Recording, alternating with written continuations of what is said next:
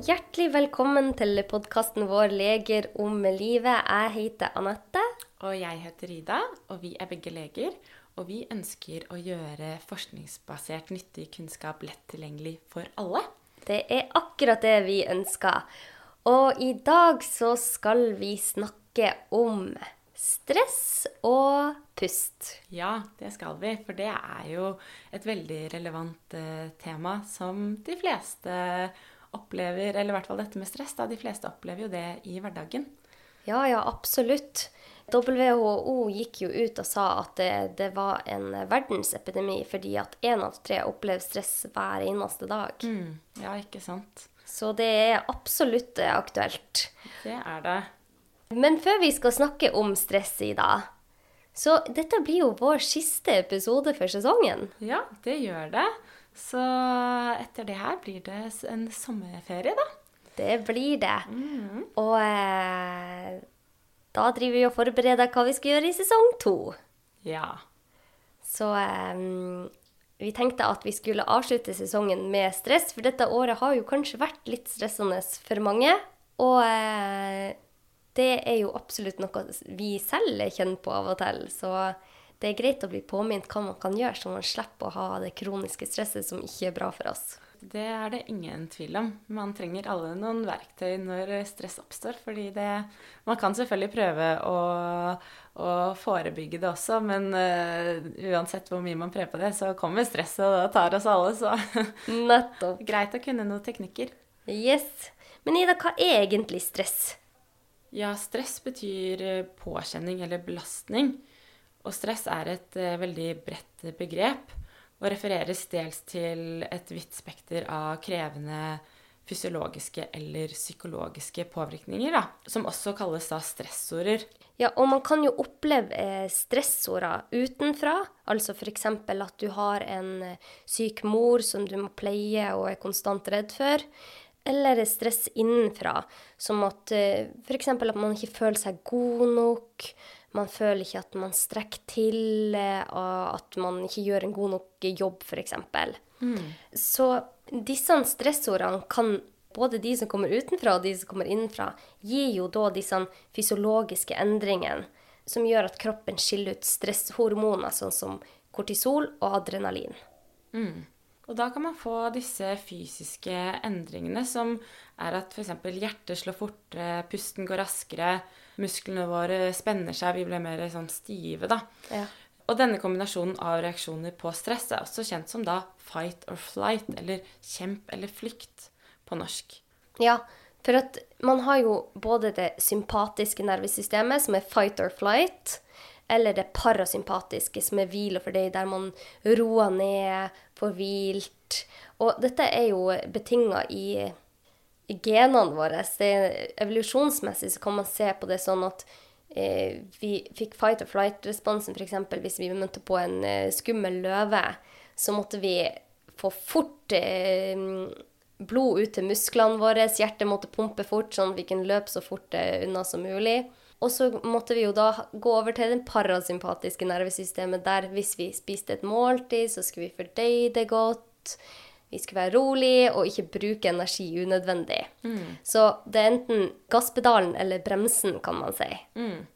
Absolutt. Og det er jo veldig viktig å, å, aktivere begge disse nervesystemene, og ikke bare stresse på hele tiden. For man trenger også bremsen. Det er jo like viktig. Ja, og det er jo det som er at før i tida så hadde du jo stressresponsen når det naturlig skulle skje, f.eks. når du møtte på en løve. da. Mens nå så har vi jo sånne småtriggere hele tida som trigger stressresponsen din, så du går med et kronisk lavgradig stress i kroppen, og det er det stresset som ikke er bra for oss. Mm. Denne fight or flight-responsen, f.eks. hvis du møter på en bil som kommer over i din banehalvdel, så er jo det kjempebra stress, for da klarer du å finne best mulig løsning i den situasjonen. Men når man går med kronisk stress, da, f.eks. at du er veldig stressa på jobben, føler du ikke gjør en god nok jobb, så går man med perioder med langvarig utskillelse av adrenalin og kortisol. Og det er det som ikke er bra for oss. Ja, fordi det man uh, har sett, da, er jo at uh, kortisol, som eh, dette stresshormonet kalles, det varierer jo gjennom dagen basert på døgnrytmen vår. Men når man går med et kontinuerlig stress i kroppen, så har man et høyere grunnivå av, av kortisol. Så, så du vil faktisk ha et mye høyere grunnivå enn det ikke-stressede mennesker har. Og det er jo ikke sunt eh, over lang tid.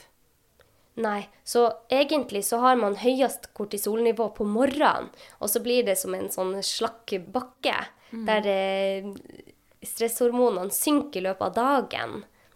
Men hos folk med kronisk stress så har studier vist at de har et høyere basalnivå da med stress. Og da trigger man jo alle organene våre på forskjellig vis når man skiller ut disse hormonene over lengre tid. Ja, det stemmer. Men jeg tenker før vi går litt mer inn på da hvordan det påvirker oss, så er det kanskje litt eh, interessant å snakke om Er alt stress egentlig skapt likt? Ja. Ja, så hvordan stress er det? Ja, for at vi snakker jo om det at ikke alt stress er skadelig for oss, men hvordan stress er det som har vist oss ikke er bra for oss? Det er jo bl.a. dette uforutsigbare stresset. Det som du aldri vet når kommer, at det, at det bare blir på en måte kastet litt på deg. Si at du sitter på jobb, da, og så har du egentlig lagd en arbeidsplan for dagen, og du har blitt enig med lederen din om at dette skal vi gjøre, men så er det hver dag så kommer det inn nye ting og nye ting og nye ting som haster og stresser, og som er helt uforutsigbart for deg å vite om. Ja. Det er et uh, stress som ikke, ikke er bra for oss, da. Mm. Ja, og dyreforskning har jo vist at dyr som kunne forutse en stressor, som f.eks. at de fikk et, eh, en lysvarsling, et, eller at lys ble skrudd på da, før de skulle få et sjokk, de var mindre stresset enn dyr som mottok samme antall sjokk helt tilfeldig. Og dette samme gjelder jo da mennesker. Så hvis en person kan forutse stresset, så er det mindre skadelig enn stress som ser ut til å være helt tilfeldig for oss, da. Ja, så hvis sjefen da kom hver tirsdag klokka tolv med nye arbeidsoppgaver, så hadde du i hvert fall forutsett det. Men hvis han kommer helt tilfeldig, han eller hun, med arbeidsoppgavene, så blir det mer stress for oss.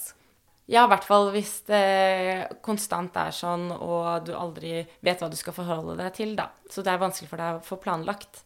Nettopp. Og så er det jo en til eh, faktor som, eh, som gjør at eh, stresset blir mer skadelig. Og det er jo dette med at det ikke er noen tidsbegrensning for stresset. At du på en måte aldri vet når det skal ta slutt. Ja, og det blir jo litt sånn hvis du har en syk mor som du pleier, og det er alltid mye som skjer med hennes sykdom, f.eks., så er det ikke noe tidsavgrensning på når dette stresset tar slutt.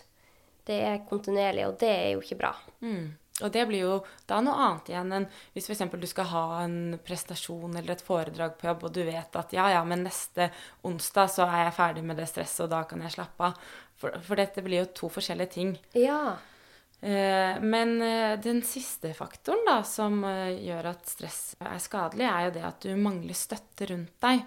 Så man har sett at eh, hvis du føler deg støttet under stress, så vil du sannsynligvis klare bedre å håndtere stresset enn hvis du ikke føler deg støttet av menneskene rundt deg. Da.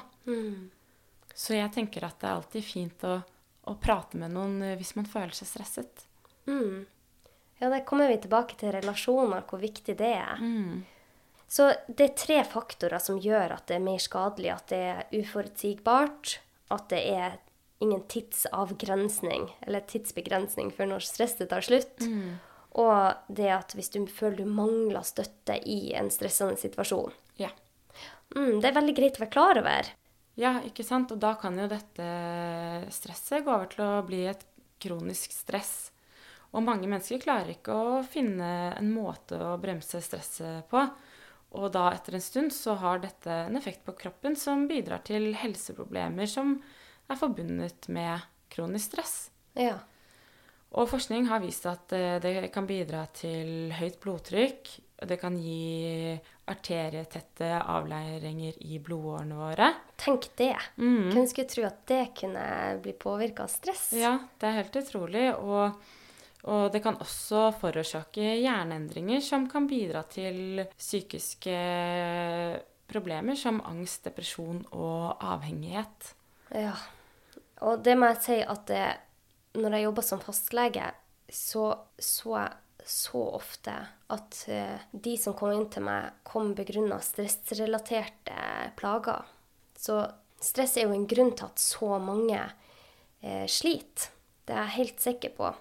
For når man eh, nøsta litt i deres plager, så viste det seg ofte at stress er en stor del av årsaken til plagene eh, deres. Alt fra søvnproblemer til avhengighet, angst til å Mange opplever jo vondt i hjertet uten at man finner noen grunn til det. Så dette er jo et problem. Og det som jeg syns er så fint, da, er at vi vet jo nå at det finnes mange verktøy man kan bruke når man faktisk har kronisk stress, som kan gjøre at du får på bremsen imellom eh, de stressende slagene. For man kan jo ikke gjøre noe med f.eks. hvis du har en mor som er syk, så er det ikke noe egentlig du personlig kan gjøre utenom å være støtte og være der. Men man kan gjøre noe for seg selv, hvordan man håndterer det. Og det er jeg blitt så opptatt av i de siste årene. For at ja, vi begge to har jo opplevd mye stress f.eks. i jobben. Og det er ikke bra hvis man ikke klarer å slå på den bremsen. Mm. Det er akkurat det, og det er jo litt sånn at eh, man kan ikke alltid Eller det er ikke så lett å endre omgivelsene sine eller hvordan andre mennesker oppfører seg, eller hva som skjer rundt deg, men det man faktisk har eh, mulighet til, er jo å endre sin egen reaksjon på det som skjer rundt seg, da. Så man må jo prøve å fokusere på hva man selv kan gjøre. Ja, og det er verktøy vi kommer til å gi i dag. Men Ida, kan ikke du fortelle? Jeg syns det er veldig fascinerende det her med hvordan stress påvirker hjernen vår. Ja, det er jo sikkert de fleste som kjenner seg igjen at man kan føle seg uorganisert, glemsom, distré av eh, mye stress. Men på lang sikt så kan stress faktisk eh, gi langvarige hjerneendringer. Og forskere har sett at hvis vi opplever langvarig stress, har vi mindre aktivitet i hjernens deler som håndterer mer avanserte oppgaver, da. Så f.eks. prefrontal cortex, som er liksom pannelappen som ligger rett bak pannen her. Og og den har jo da ansvar for bl.a. våre kognitive evner som problemløsning, planlegging, gjennomføring av oppgaver og regulering av atferd. Så fremre eh, del av hjernen rett bak eh, panna di, så er den delen av hjernen som gjør at du klarer å organisere og tenke ut gode løsninger og ja, problemløsning. Mm. Og så er det også en annen del av hjernen som blir eh, påvirket eh, av dette, og dette er da bl.a. hippocampus. Og den har en viktig rolle for læring, korttidshukommelse og orientering, da.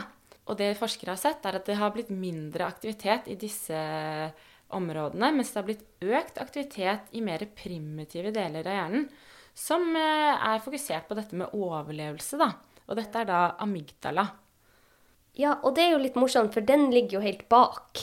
Så der man eh, driver med problemløsning og korttidshukommelse og alt det her, det ligger i midten av hjernen og i fremre del. Mens eh, de delene som har de mer sånn primitive oppgavene, da, de ligger i bakre del av hjernen. Jeg syns det er så fascinerende å tenke på. ikke sant? Og det er jo ikke så rart, for det er jo evolusjonsmessig så var det jo den delen som ble eh, lagd først, og så har vi jo utviklet en større og større hjerne, så har det liksom bare bygget på seg, da. Ja, det er litt morsomt. Mm, det er det. Men, eh, men eh, det er i hvert fall interessant å tenke på at når vi da stresser mye, så vil den primitive delen av hjernen vår være mer påskrudd. Og det er jo litt som en eh, muskel, hvis vi skal sammenligne det. At hvis du trener en eh, muskel mye, så vil jo den bli stor. Eh, og så hvis en annen muskel ikke blir trent så mye, så blir jo ikke den så stor. Og det kan man jo litt tenke på med hjernen også, at den delen som blir aktivert ofte, vil da bli sterkere, mens den som blir sjeldnere aktivert, den vil da bli litt svakere. Så derfor er det jo viktig å prøve å ikke stresse altfor mye, så vi bare får en sånn primitiv overlevelseshjerne påskrudd hele tiden. Nettopp. For man har jo alle møtt den kollegaen som er veldig stressa, og som kanskje reagerer eh, mer primitivt. Hadde han eller hun vært mindre stressa, så kanskje hun hadde respondert på en annen måte. Og vi har jo alle vært der selv. Ja, ja, ja. Så, Så det kan du si til eh, sjefen hvis han er litt eh, ekstra irritabel, at nå nå tror jeg din primitive del har vært påskrudd for lenge. Ja. Skulle godt mottatt det blir, men ah, Man kan i hvert fall tenke på hva man skal, kan gjøre selv, da. Ah, Ai, ai, ai. ja. Og når vi eh, snakker om dette med kronisk stress, Ida, for her sitter jeg jo og drikker kaffe, og jeg har jo merka det at i perioder der jeg er mer stressa, så unngår jeg kaffe, for jeg merker at det trigger meg litt mer. Og det som er litt interessant, er at eh, de har jo gjort studier på dette, faktisk. Hvordan kaffe påvirker stressresponsen vår. Og da var det jo en bitte liten studie, men jeg syntes den var litt interessant, hvor de tok eh, 25 deltakere og delte de opp i de som fikk koffein, og de som fikk placebo, altså eh, koffeinfri kaffe. Og så sjekka de da blodtrykket deres, kortisolnivået og adrenalinnivået deres. Og de sjekka disse nivåene både før de skulle gjøre noe stressende, under en stressende hendelse og etterpå. Og det man fant ut, var at koffein, de som hadde fått koffein, hadde mer enn dobbelt så høye nivåer av eh, adrenalin og kortisol enn de som hadde fått eh, koffeinfri kaffe, da. Det er Og- fascinerende. Ja, er det ikke spennende? Og man fant at det var likt for både de som drakk eh, mye kaffe, og for de som ikke drakk så mye kaffe til vanlig. Så det hadde ikke noe å si at du var en eh, stor kaffedrikker på forhånd. Nei, nei, nei. Ha. Eh, Så det man fant ut, at det, til og med når de hvilte da, etter at de ble utsatt for stress, så hadde de som hadde drukket koffein, høyere grunnivå av eh, disse stresshormonene. Ja, tenk det. Det, det er ganske interessant å, å vite om. Tenker at hvis man er i en stressende situasjon i livet, så er det kanskje greit å prøve å ikke få i seg for mye koffein, da. Ja. Det er bare sånn lite triks man kan prøve. For at ofte når man er stressa, så drikker man jo bare enda mer kaffe. Mm. Og det blir jo en veldig sånn dårlig syklus. Mm. Absolutt. Ja, så kortisol det er jo høyest på morgenen, og så synker det utover dagen. Og så er det på sitt laveste da, utover eh, kveld og natt. For da er det andre hormoner som skal ta over. Disse søvnhormonene annet, som er melatonin og adenosin.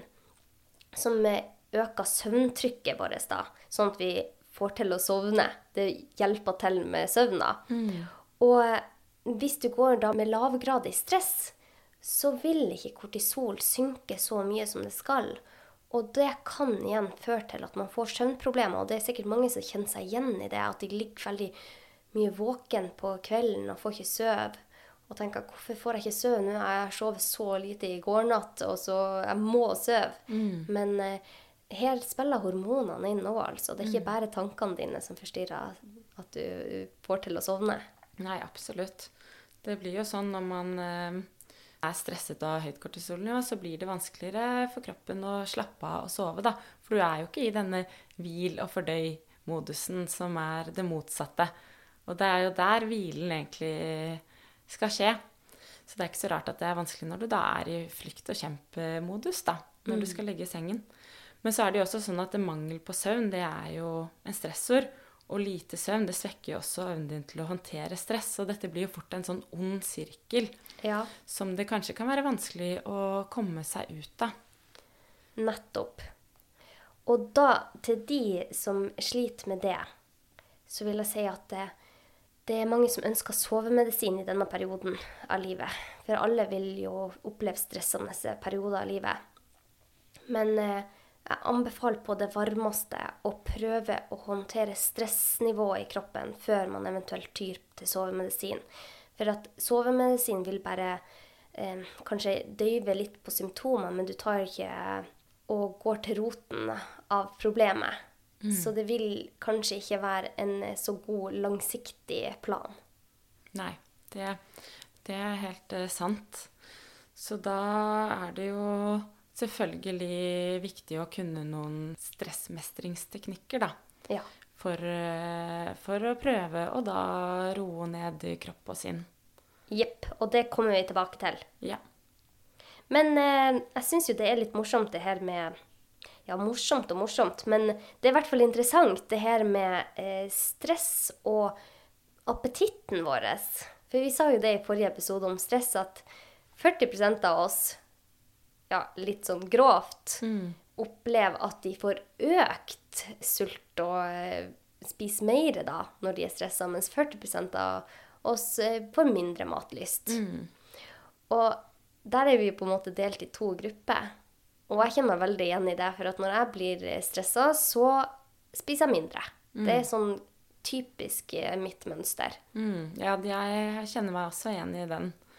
For da er det bare sånn stress og har ikke tid og hvile for deg, Nei, jeg har ikke tid, og det er bare Det, det er ikke noe det er ikke noe matlyst som kommer eh, da. Mens Nei. andre får jo det motsatte, hvor de bare De er stressa og de er sultne hele tiden og må ha noe å knaske på konstant. Ja, mm. Det er litt interessant. Jeg husker fra turnus, faktisk, når vi er inne på dette. Så husker jeg han Henrik, jeg og han Henrik, min samboer, vi hadde jo turnus samtidig.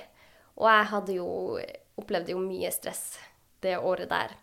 Og Henrik han har alltid vært veldig god på stresshåndtering. Han er jo lært opp i eh, militæret i noen år og kan disse teknikkene, men jeg hadde ikke lært meg de godt da. Jeg husker han sprang etter meg med mat hele tida. Sånn, dette har du huska å spise i dag? Bare nei, mat er ikke viktig. ikke sant? Man, man tenker ikke engang på det, for min del, når jeg var stressa. Og jeg tenker, hadde jeg bare kunnet de teknikkene og sagt nei, vet du hva, nå skal jeg sitte ned og spise min matpakke, og ikke plag meg akkurat nå, for det er viktige 15 minutter, så tror jeg jeg hadde gjort faktisk en enda bedre jobb enn hvis jeg er en sånn som jeg driver på og bare pisker meg selv hele dagen. Mm, og det er viktig å sette av den tiden til seg selv da, og prøve å roe ned, fordi da får man jo mest sannsynlig jobbet mer effektivt når man først eh, jobber, ikke sant? Så jeg tenker det er jo egentlig for best for alle, både seg selv og de rundt. Absolutt. Og det er jo litt sånn i denne tida her, der mange har hjemmekontor, så er det blitt vanlig å bare spise mens du er, er på møte eller eh, sitter framfor skjermen. For man får på en måte ikke den der fine lunsjpausen med kollegaene sine. Og da ser man ikke noe hensikt i å sitte bare alene med maten. Men eh, prøv å gjøre det. Prøv å ta og sette deg bort fra skjermen og faktisk spis spise mens du tenker over at du gjør det. For at, eh, jeg tror at det vil påvirke fordøyelsessystemet ditt i en veldig positiv eh, grad òg. Ja, absolutt. Det er jo en grunn til at det heter hvil og fordøy, fordi du skal da slappe av og fordøye mat. Så derfor trenger jo kroppen å bli satt i en rolig modus for at du skal klare å fordøye maten best mulig. Og dette her, Man ser jo også at det er folk som stresser mye, som har mageplager, får ofte verre mageplager når de stresser, da. Så dette, det er absolutt noe i det der. Ja. Det er jo, jeg syns det er litt interessant det her at veldig mange forskjellige religioner da har jo det at de skal be en bordbønn eller si noen ord eller puste med magen rett før de skal spise. Og det er jo kanskje noe i det eh, at eh, fra et evolusjonsmessig standpunkt så skulle man ro ned før man ga kroppen eh, næring. Mm, det er det jo ikke noe tvil om, tenker jeg. Nei. Så det er noe man kan eh, prøve på. Man trenger jo ikke eventuelt sette av liksom Man kan bare ta et par eh, rolige pust, da. Fem pust før man uh, spiser maten sin. Og bare prøve å roe ned bitte litt. Det er ikke alltid så mye som skal til. Nei, det er ikke det. Det er det jeg syns er så fint med de sånne verktøyene vi har lært oss i, da, er at det er jo eh, lavterskelverktøy. Mm. Virkelig. Ja, når vi snakker om eh, pust, så tar jo vi mennesker gjennomsnittlig 500 millioner pust i løpet av livet. Oi. Og det vil si omtrent 20 000 ganger om dagen, da. Og det er ganske ofte. 20 000 ganger om dagen puster du inn og ut. Mm. Og de fleste av oss de tenker jo ikke på et eneste av disse pustene. Men det ønsker jo vi å gjøre noe med, Anette. Ja, For det er jo et av de sånn lavterskelverktøyene eh, vi har. eh, Fordi at eh, pusten er jo en automatisk kroppslig funksjon, akkurat som at hjertet ditt slår og fordøyelsen fungerer som den skal. Men det som jeg syns er så fascinerende med pusten, er at vi kan ta kontroll over den. Og når man styrer pusten sin, så kan man også senke stresshormonene. Og dette har vi sagt før, men gode ting kan ikke gjentas for ofte. For det er en så enkel metode som kan gjøre at vi får det bedre i hverdagen og kan sette på den bremsen. Det er jo fascinerende. Du trenger ikke å brenne røkelse og Myra. ja, for, å, for å få i gang dette. Det eneste du trenger å gjøre, er å rett og slett bare sette deg ned, og så puster du dypt et par ganger. Og det kan hjelpe deg. Det er akkurat det. Så det er jeg helt enig i. Det er en utrolig sånn fascinerende og fin eh, ting, da. Og det er eh, noe vi alle kan eh, gjøre og tenke over når som helst. Ja. Så det handler jo litt om å være litt bevisst på det også. og Bare komme på at ja, men nå skal jeg ta meg et par-fem rolige, dype pust. Eller kanskje puste dypt og rolig i fem minutter, da. Så man må jo i så fall prioritere å sette av tid til å gjøre det. Og så må man også komme på å huske å gjøre det. Ja.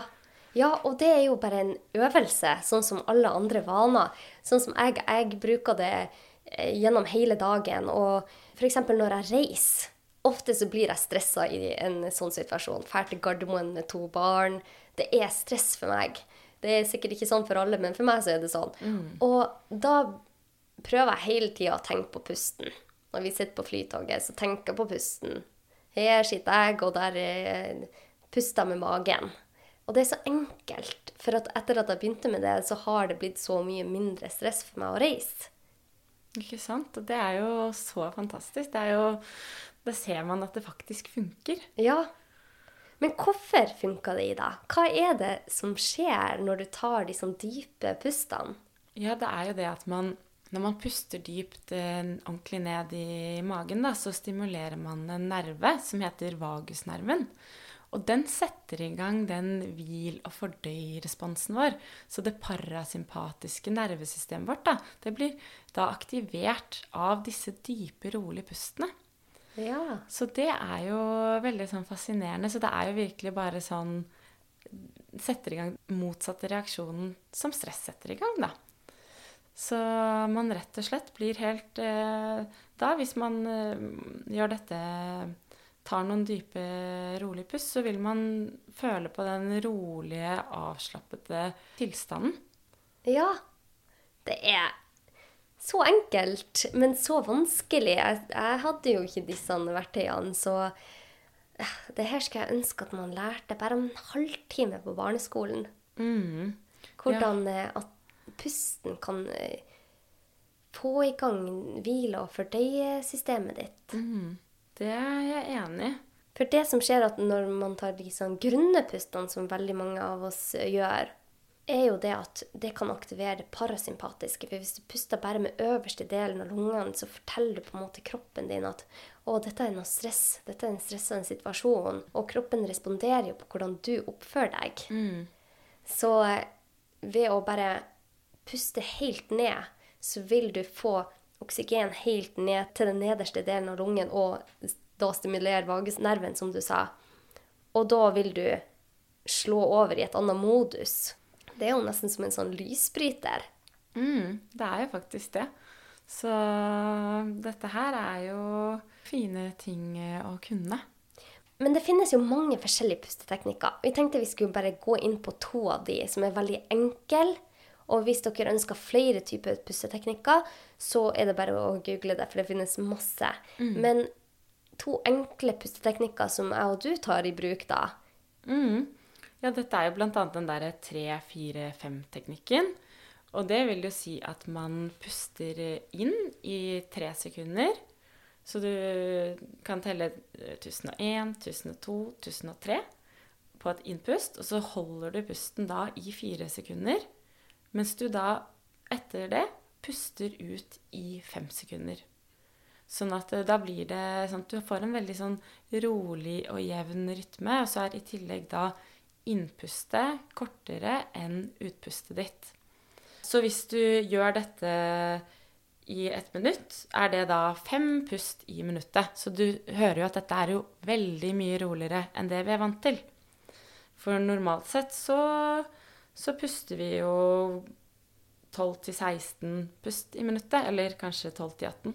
Ja, og det er jo ganske høyt. Mm, så det er det å være bevisst og oppmerksom på pusten. Det er på en måte det første steget, da. Så prøv det. Kom her, prøv det mens du hører på oss nå. Mm. Og puste sånn eh, i ett minutt og bare se hvordan eh, du føler deg. Og så er det jo en annen eh, teknikk eh, også. Ja? Og det er denne 4-7-8-teknikken. Og den er kanskje Da puster du jo enda saktere igjen. Så kanskje fint vi å starte med 3-4-5, fordi det er ikke en like sakte pust som 4-7-8. Eh, fordi 4-7-8, da Vi kan jo gå inn på hvordan eh, man skal gjøre det. Og det er at man starter med å da tømme lungene helt for luft. Og så skal man da puste inn gjennom nesen da i fire sekunder. Så skal man holde pusten i syv sekunder. Så skal man puste kraftig ut gjennom munnen mens man lager en sånn vosjlyd da, med leppene. Trekker litt leppene sammen, da. Og puster sånn vosjlyd ut i da åtte sekunder. Og dette kan man da prøve å gjenta opptil fire ganger. Men dette her eh, må man også si at man kan bli litt svimmel av, fordi det er liksom så unormalt for oss å puste så langsomt og kanskje kraftig ut, da. At, eh, for det er ikke så ofte vi tømmer lungene sånn ordentlig. Så hvis man Ja, kanskje det er fint å gjøre det sittende, da, sånn at man ikke blir svimmel eller ramler eller, eller noe sånt. Ja, bare til man blir vant til det. Ja. Så ikke i en bil. Nei, helst ikke det. Eller med mindre du er passasjer. Ja, da er det greit. Ja. Og har tre skrikende barn i, Ja. i baksetet. Da er det helt greit å gjøre det. ja. Og så er det jo litt eh, med når man skal få tid, da, Anette. Ja. Og da er det jo Vi har i hvert fall snakket om dette med disse mm, At for det første, det kan gjøres hvor som helst, men f.eks. disse overgangstidene, da. Sånn som du sier da. Sitter du i bilen, kanskje tenk litt på pusten. Sitter du på bussen.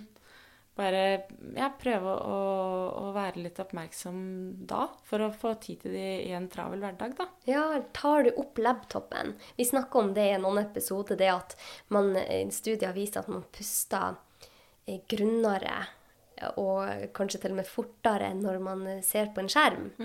Så rett før du tar opp skjermen, ta deg noen dype pust og være bevisst på at du tar kontroll over pusten, så du ikke lar datamaskinen bestemme hvordan du puster. Mm, absolutt. Det er kjempegodt tips. Ja, det, det finnes jo mange ulike pusteteknikker, som du sa i stad, men de fleste innebærer jo ca. det samme, så man kan jo også prøve seg litt fram for å finne ut av hva som funker best for seg selv. For vi er jo ulike, og noen liker det ene, og noen liker det andre. Men jeg tenker i hvert fall at eh, hvis man skal ta med seg noe om dette med pusten, så er det å prøve å puste dypere og saktere. Altså at det blir færre pust per minutt. Og prøve å ha da et lengre utpust enn innpust.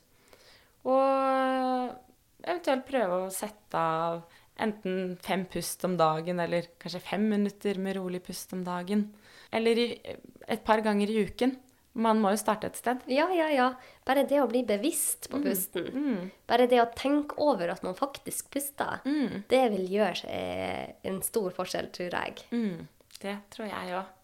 Så bra! Ja, så pusten er jo kanskje en av våre første go to-tips. Men det finnes jo mange andre mm, råd for å mm, få ned stresshormonene i kroppen.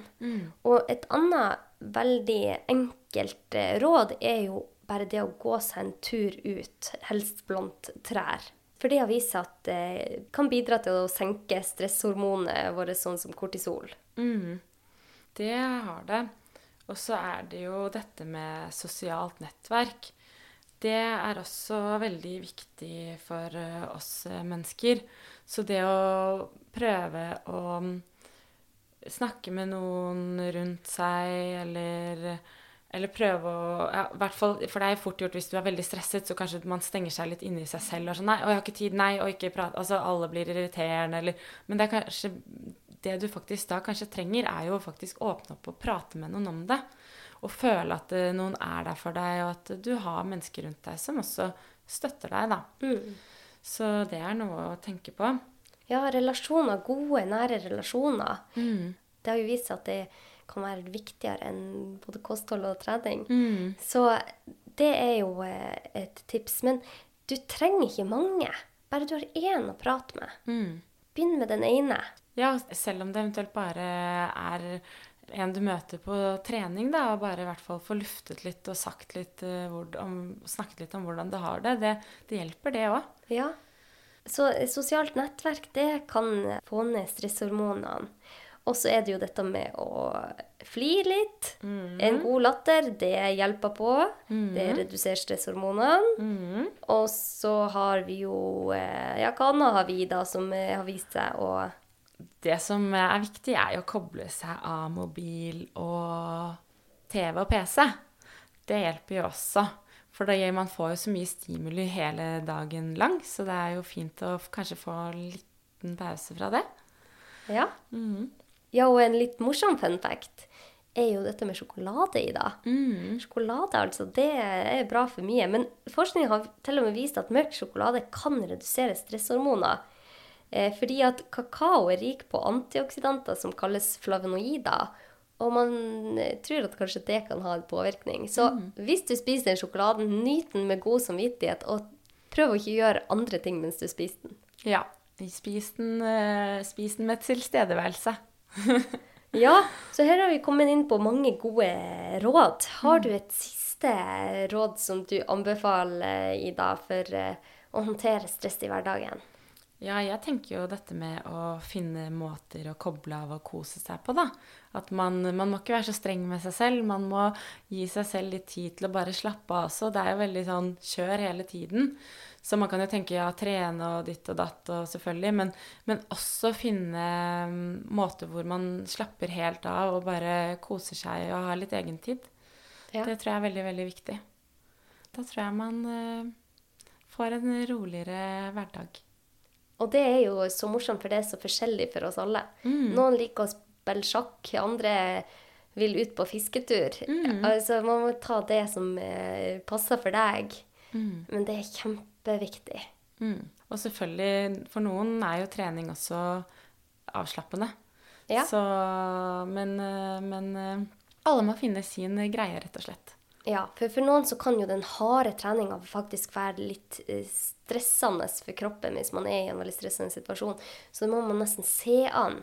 Men det har vist seg at trening kan redusere stresshormonene. Mm, ja, i etterkant av treningen. Ja. Mm. Og så har vi jo dette med meditasjon, men jeg tenker at vi skal lage en egen episode om det. Ja. Så da har vi jo vært eh, gjennom, eh, gjennom det meste. Det har vi, og da håper vi at eh, du finner de teknikkene som fungerer akkurat for deg. For vi er jo så forskjellige, og det er helt eh, forskjellig hvordan teknikker som passer best for hver og en av oss. Mm, det er det. Så man må bare prøve seg frem og se hva som passer. Ja. Og da gjenstår det bare å si eh, god sommer til alle. Dette er sesongens siste episode, og vi kommer tilbake i august. Da håper vi bare alle får en herlig sommer. Og dere bare kos dere, slapp av, prøv å, å tenke på dette med pusten også på sommeren. For det er jo litt sånn Det kan jo være stress med sommerferie også, med familieselskaper og eller Mye som skjer. Ja, ja, absolutt. Det er Så- mange som eh, forteller meg på kontoret at de er mer stressa etter de kom fra ferien før. Ja, ikke sant? Så det å tenke på pusten, det tror jeg er et kjempelurt triks. Så må alle bare ha en herlig sommer. Ha en kjempefin sommer. Og eh, hvis dere har noen spørsmål eller tilbakemeldinger eller tips og råd, så er det bare å skrive til oss på legeromlivet.gmail.com. Og vi planlegger jo sesong to. Den blir kjempebra. Så har dere noen eh, dere ønsker vi skal ha som gjest, eller noen tema dere ønsker vi skal eh, ta opp i sesong to, så skriv gjerne til oss på e-mail eller på Facebook eller Instagram. Så håper vi dere får en fin dag videre også. Ha en kjempefin dag. Ha det bra. Ha det!